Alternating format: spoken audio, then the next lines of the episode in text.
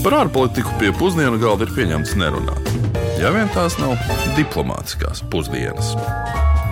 Esiet sveicināti šī gada pirmajās diplomātiskajās pusdienās. Arī šogad turpinām analītiski izklaidējošā manierē apceļot dažādas pasaules valstis un stāstīt jums par to politiku, ekonomiku, sabiedrību, kā arī atklāt jums kaut ko mazāk zināmu, amizantu vai varbūt pretrunīgu.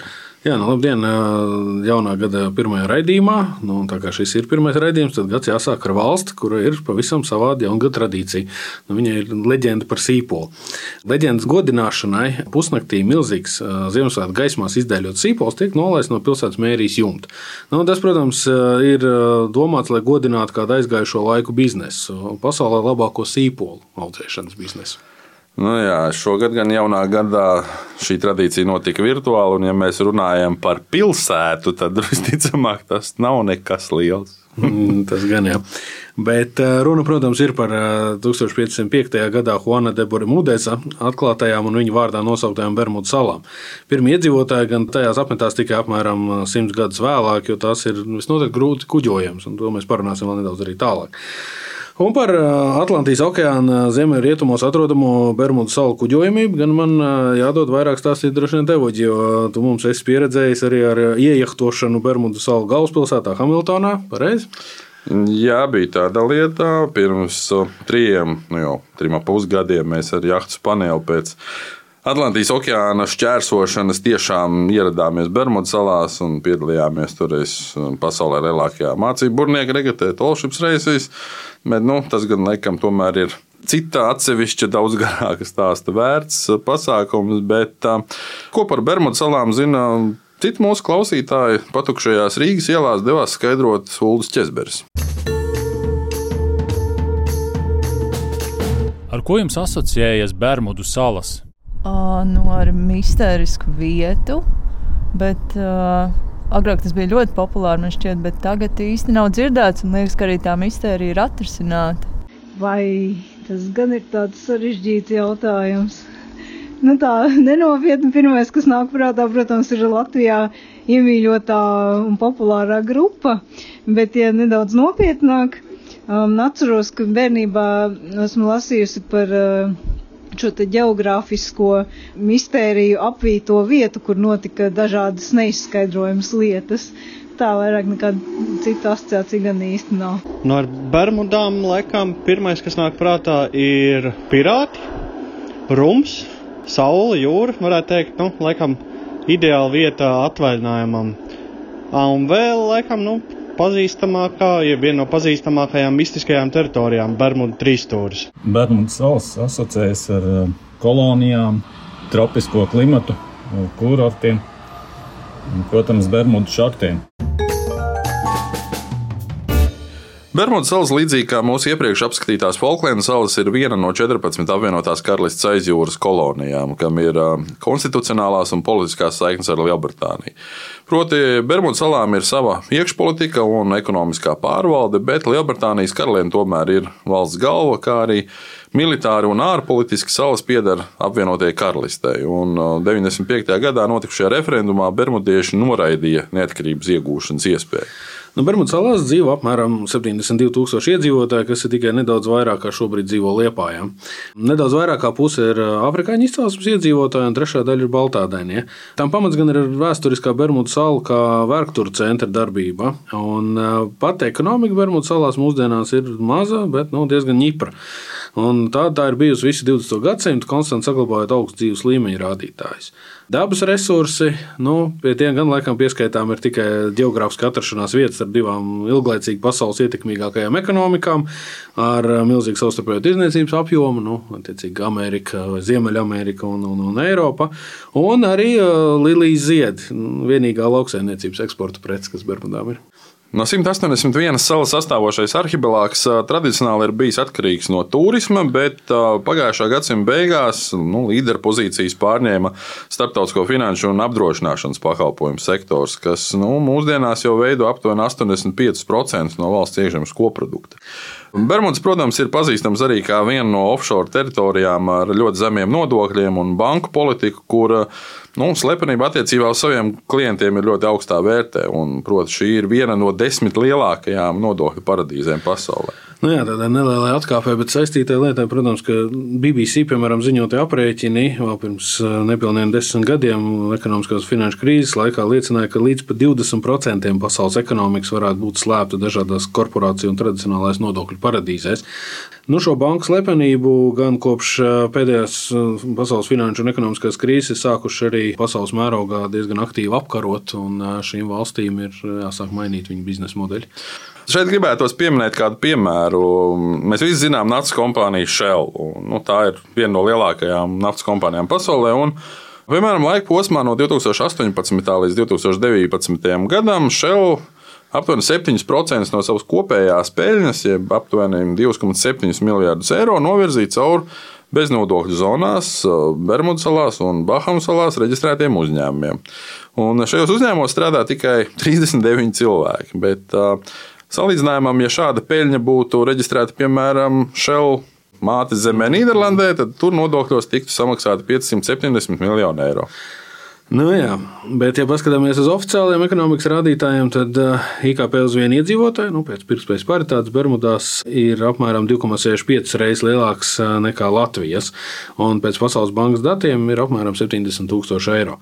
Šī arī skaitās, starp citu, astotā visblīvāk apdzīvotā valsts pasaulē, līdzās daudzām tādām pašām mikrovalstiņām vai salt, uh, valstiņām, kas ir apvienotās karalists vai kādas citas valsts aizjūras teritorijas. Tie cilvēki, ar ko es aprunājos, viņi saka, ka ienākums varētu saukt apmēram, ka tie ir tikpat lieli kā nu, vidēji Amerikas Savienotajās valstīs. Taču ir viena nianse. Bermudieši faktiski nemaksā ienākumu nodokli. Algas nodokli savukārt maksā darba devējs kurš var no jūsu algas ieturēt šos 6%, lai tālāk samaksātu nodokli. Šeit gan ir arī jāpiebilst, ka Bermuds visai regulāri figurē arī starp dzīvošanai pašām dārgākajām vietām pasaulē. Jo galu galā faktiski visas preces tiek importētas, un kā arī viņi teica, jūs, jebkurš turists, esat ļoti neizdevīgā situācijā. Jūs esat nodokļus samaksājuši jau savā zemē, Un tad jūs atbraucat pie mums un maksājat par tām dārgajām precēm, ko saņemam mēs. Viņi nemaksā nodokļus, bet maksā dārgāk par produktiem. Jā, un vēl arī Bermudas ir apvienotās karalistes aizjūras teritorija, tajā valūta ir Bermuda dolārs, un um, norēķināties var arī ar ASV dolāriem. Jā, varētu teikt, ka bagātie arī raud. Jo Šobrīd arī Covid ietekmē, piemēram, viens no lielākajiem izaicinājumiem, protams, ir trieciens Bermudu turismu sektoram. Tas veido apmēram 5% valsts saimniecības, bet kopumā nodarbina daudz vairāk cilvēku nekā tikai 5%. Nu, šobrīd, piemēram, bezdarbs valstiņā tiek rēķināts jau virs 10%, un arī atgūšanās nav plānota, ka būs ātra, redzot, kā vispār kopējā situācija ar Covid-19 pandēmiju attīstās. Nu jā, vairāki Bermudu eksperti prognozē, ka turismas sektors salā neatkopsies vēl no nu, 3 līdz 4 gadus aptuveni. Kritums ir bijis tiešām ļoti strauji, jo, piemēram, nu, viesnīcu restorānu biznesa pagājušajā gadā nopelnīja aptuveni 11 miljonus eiro. Nu, salīdzinot ar vairāk nekā 43 miljoniem eiro pirms gada, taču nu, dati arī rāda, ka vienlaicīgi ir strauji pieauguši valdības izdevumi, piemēram, palielinoties dažādiem bezdarbnieku pabalstiem. Un gada laikā šie izdevumi ir pieauguši gandrīz par 75%. Un tieši nodarbinātība un nepieciešamie taupības pasākumi no varas iestāžu puses pašlaik tiek saukt par galvenajiem Bermudu izaicinājumiem. Un, kā norāda bijusī Bermudu valdības pārstāvniecības Vašingtonā vadītāja Šerila Pekvuda, pašlaik ir pienācis īstais laiks patiesi pārskatīt arī līdzinējo valdības nodokļu politiku. I look at the human cost, austerity measures, and not taxing people. Ir jāskatās uz taupības pasākumu cilvēciskajām izmaksām. Cilvēkiem netiek piemēroti nodokļi, taču patiesībā nodokļi netiek piemēroti bagātākajiem. Viņiem tādējādi izdodas izsprukt sveikā un saglabāt savu naudu. Jā, viņu ienākumi samazinās, taču viņiem joprojām ir pietiekami daudz naudas, lai labi dzīvotu, ēstu un pat ceļotu, ja vien uzdrošinās iekāpt lidmašīnā. Taču, ja ir plānoti taupības pasākumi bez nodokļu palielināšanas, cietīs pārliecinošs vairākums iedzīvotāju, īpaši zemākie sabiedrības slāņi. The lower class, it's going to be the, it is going to be um, black Bermudians, it's going to be the laborers. Um, Tie pirmkārt būs melnādainie bermudieši, fiziskā darba strādātāji. Tāpēc, manuprāt, mums ir pilnībā jāpārskata mūsu nodokļu sistēma. Mums ir jāpārskata, kā mēs gūsim lielākus ienākumus laikā, kad mums to nebūs no algām un importa nodevām. Mums ir nepieciešama jauna nodokļu struktūra, jo pretējā gadījumā ielās izcelsies nemieri. Taupības pasākumi nav iespējami laikā, kad cilvēkiem nav naudas, nav ēdiena, nav līdzekļu, lai samaksātu īri tīri. Taču mums ir jāmeklē kāds ilgspējīgs modelis. Šī pandēmija ir pierādījusi, cik briesmīga un neilgtspējīga ir pakalpojumu ekonomika, kas ir pilnībā atkarīga no globālās ekonomikas. Arī mūsu ekonomika ir gandrīz par 90% atkarīga no ASV uzņēmumiem.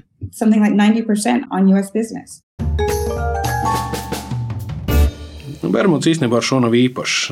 Krīžu un problēmu laikos visvairāk cieši nabadzīgie un mazāk izglītotie. Tas tā ir bijis vienmēr. Bermuds arī nav pirmā valsts un nav arī pirmā, ko apskatām mēs. Piemēram, Liechtensteinā bija līdzīgs stāsts, kad mikrovalstiņas izmanto globālo finanšu sistēmu savu labumu gūšanai. Daudz no tām tagad tiecas piemēroties brīdim, kad starptautiskais spiediens likvidēt likumīgu, bet nu, vienlaicīgi arī neētisku nodokļu nemaksāšanas un naudas atmazgāšanas praksi liek pārskatīt to ekonomikas. Nu, kādas ir šo valstu faktiskās ražošanas un pelnīšanas alternatīvas, un tās rādīs laiks. Nu, vienīgā priekšrocība laikam viņām ir tas, ka uzkrātais starta kapitāls reformām ir diezgan pamatīgs. Nu, jā, bet tā jau mēs vienreiz jau pieminējām šo frāzi, bagāti arī raud. Mums dažreiz liekas pašsaprotamas tādas lietas, kā ūdens, ko mēs esam gatavi tecināt no krāna dienām ilgi. Kas mums krīt uz galvas, un mēs tāpatās par to vēl raudam. Bet, piemēram, pirms trījiem gadiem, kad mēs bijām Bermudās, lietus nebija līdz trīs mēnešus, un bija diezgan pamatīgs ūdens trūkums. Un, uh, dzeramā ūdens. Dzeramā ūdens trūkums, un toreiz uh, maisaimniecība varēja iegādāties kubikmetru ūdens aptuveni par 100 bermudu dolāriem. Un uh, Bermudas arī, lai cik viņas bagātas nebūtu, tā ir pēdējā vieta, kur es esmu redzējis, ka arī veikalā joprojām cigaretes var nopirkt pa vienai. Un arī uz ielas cilvēks tev nenāks, neprasīs cigareti, bet viņš no tevis viņu nopirks par vienu dolāru gabalā. Nu, atgādnības.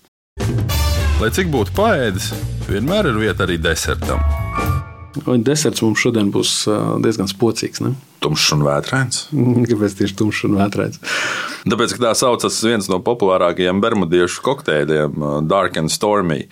Un tā galvenā sastāvdaļa ir Bermudās ražotais Goslinga tumšais rums un arī visai saudabīgais ingvera alus. Nu, teiksim, tā ļoti salds, bet uh, kopumā karstā laikā ļoti atvēsinošs un garšīgs. Bet nu, mēs šoreiz nenodarbosimies ar alkohola reklāmu, bet, gan, bet, bet gan parunāsim par salām, kuras visbiežāk tomēr ir pazīstamas ar lidmašīnu pazušanu, spoku kuģiem, leģendām par to. Pastāst lūdzu par Bermudu trīs stūri. Bermuda trīsstūris ir zināms kā trīsstūris, kurā notiek visādas dīvainas lietas. To sauc par trīsstūri, jo tā ir teritorija, kas atrodas starp Floridu, Bermudu salām un Puertoriko. Bēdīgi slavena šī vieta ir, jo daudz gadījumu, kad lidmašīnas un kuģi, kur ir pazuduši vai noslīkuši Bermudu trīsstūrī, un paši transporta līdzekļi ir parādījušies vēl pēc daudziem gadiem, bet nu, jau bez pasažieriem. Nu, šādas tās leģendas ir. Nu, tādēļ arī Bermudu trīsstūri nereti sauc par vēlnu trīsstūri. Un to šādā veidā uztvēra arī Spāņu un Portugāļu jūras braucēji braucēju, un ne tikai tādēļ, ka kuģis līk uz nebēdu, bet arī tādēļ, ka salās dzīvo Bermudu vētersputns, kura kliedziena atgādinot skaņas, kad simtiem zīdaiņu raudot vienā balsī. Nedzirdēju. Tāpēc, ka nebija līdzi droši. Protams, mainticīgie jūrnieki domāja, ka salās dzīvo ragans un dēmoni. Nu, šis te, ja tā nopietni paskatās, tad šis sākotnējais tēls, protams, saglabājās vēl ilgi un noteikti palīdzēja arī Bermudu trīs stūra leģendai nostiprināties par salām. Jo viens ir pilnīgi skaidrs, jūrnieki ir ļoti mainticīgi. Bet zinātnē, nu, loģiska analīze, mainticība tomēr brīžiem uzvar. Un kārtībā reizi ar mūsdienu tehnoloģijām un novērojumiem jau ir skaidrs zināms, ka nu, iemesls Bermuda trīsstūrī notiekošajām avārijām ir uh, ļoti strauji mainīgie laikapstākļi. Sevišķi spēcīgas vētras šajā Atlantijas okeāna vietā, kā arī ļoti seklie korāļu rifi. Un Rezultātā kopš 1600. gada šeit ir atrodami vairāk nekā 300 kuģu vraki, un uh, vēl vairāk ūdens nav pārāk dziļš. Tādēļ arī nu, snorkelējot, tos var ļoti labi apskatīt. Un par mainīgiem laikapstākļiem arī mūsu komanda pārliecinājās. Jo līdz Bermudām mēs ar pasātiem aizbraucām, tā kā mēs paši smējāmies kā pensionāru braucienā, tad uh, posmā no Bermudām līdz Bostonai bija diezgan pamatīgs pūtiens. Mm. Nu jā, nu Bermudu salas ir mītu un leģenda apvītas. Um, fantāzija parasti tas arī iedvesmo diezgan pamatīgi, un uh, to starp fantazēt un radīt vēl vairāk. Un Bermudu salas ir iedvesmojuši daudzus, nu, to starp arī Viljamu Šekspīru un Džonu Lenonu. Un šo patiesībā arī gribētos noslēgt mūsu šīs nedēļas raidījumu. Nu, neaizmirsīsim šeit arī literatūras un mūzikas grandiem, pieskaitīt arī nemazāk leģendāros īpaši, īpaši bērnu un jauniešu aprindās Bermudu divstūru mākslinieku. Kamēr Bermudu salām nekāda sakara droši vien nav. A, tu zini? es esmu gandrīz pārliecināts. Ar to arī izskan mūsu šīs nedēļas raidījums. To veidoju es, žurnālists un burātājs Uģis Lībijams, un arī dr. Kārlis Bukovskis no Rīgas Stradiņa Universitātes un Latvijas ārpolitikas institūta. Nu, ja jums patīk šis raidījums, klausieties to atkārtojumus un rekomendējiet saviem radiem un draugiem, lai klausās Apple, Google un Spotify podkastos, kā arī Latvijas radio mājaslapā. Ļoti viegli ir atrodami visi raidījumi, un tajos parasti varam dabūt arī garākas eh, šo raidījumu versijas. Tagad tiekamies nākamajā otrdienā, bet nu, līdz tam lai izdodas. Uz atdzirdēšanos! Diplomātiskās pusdienas katru otrdienu pusdienos Latvijas Radio 1.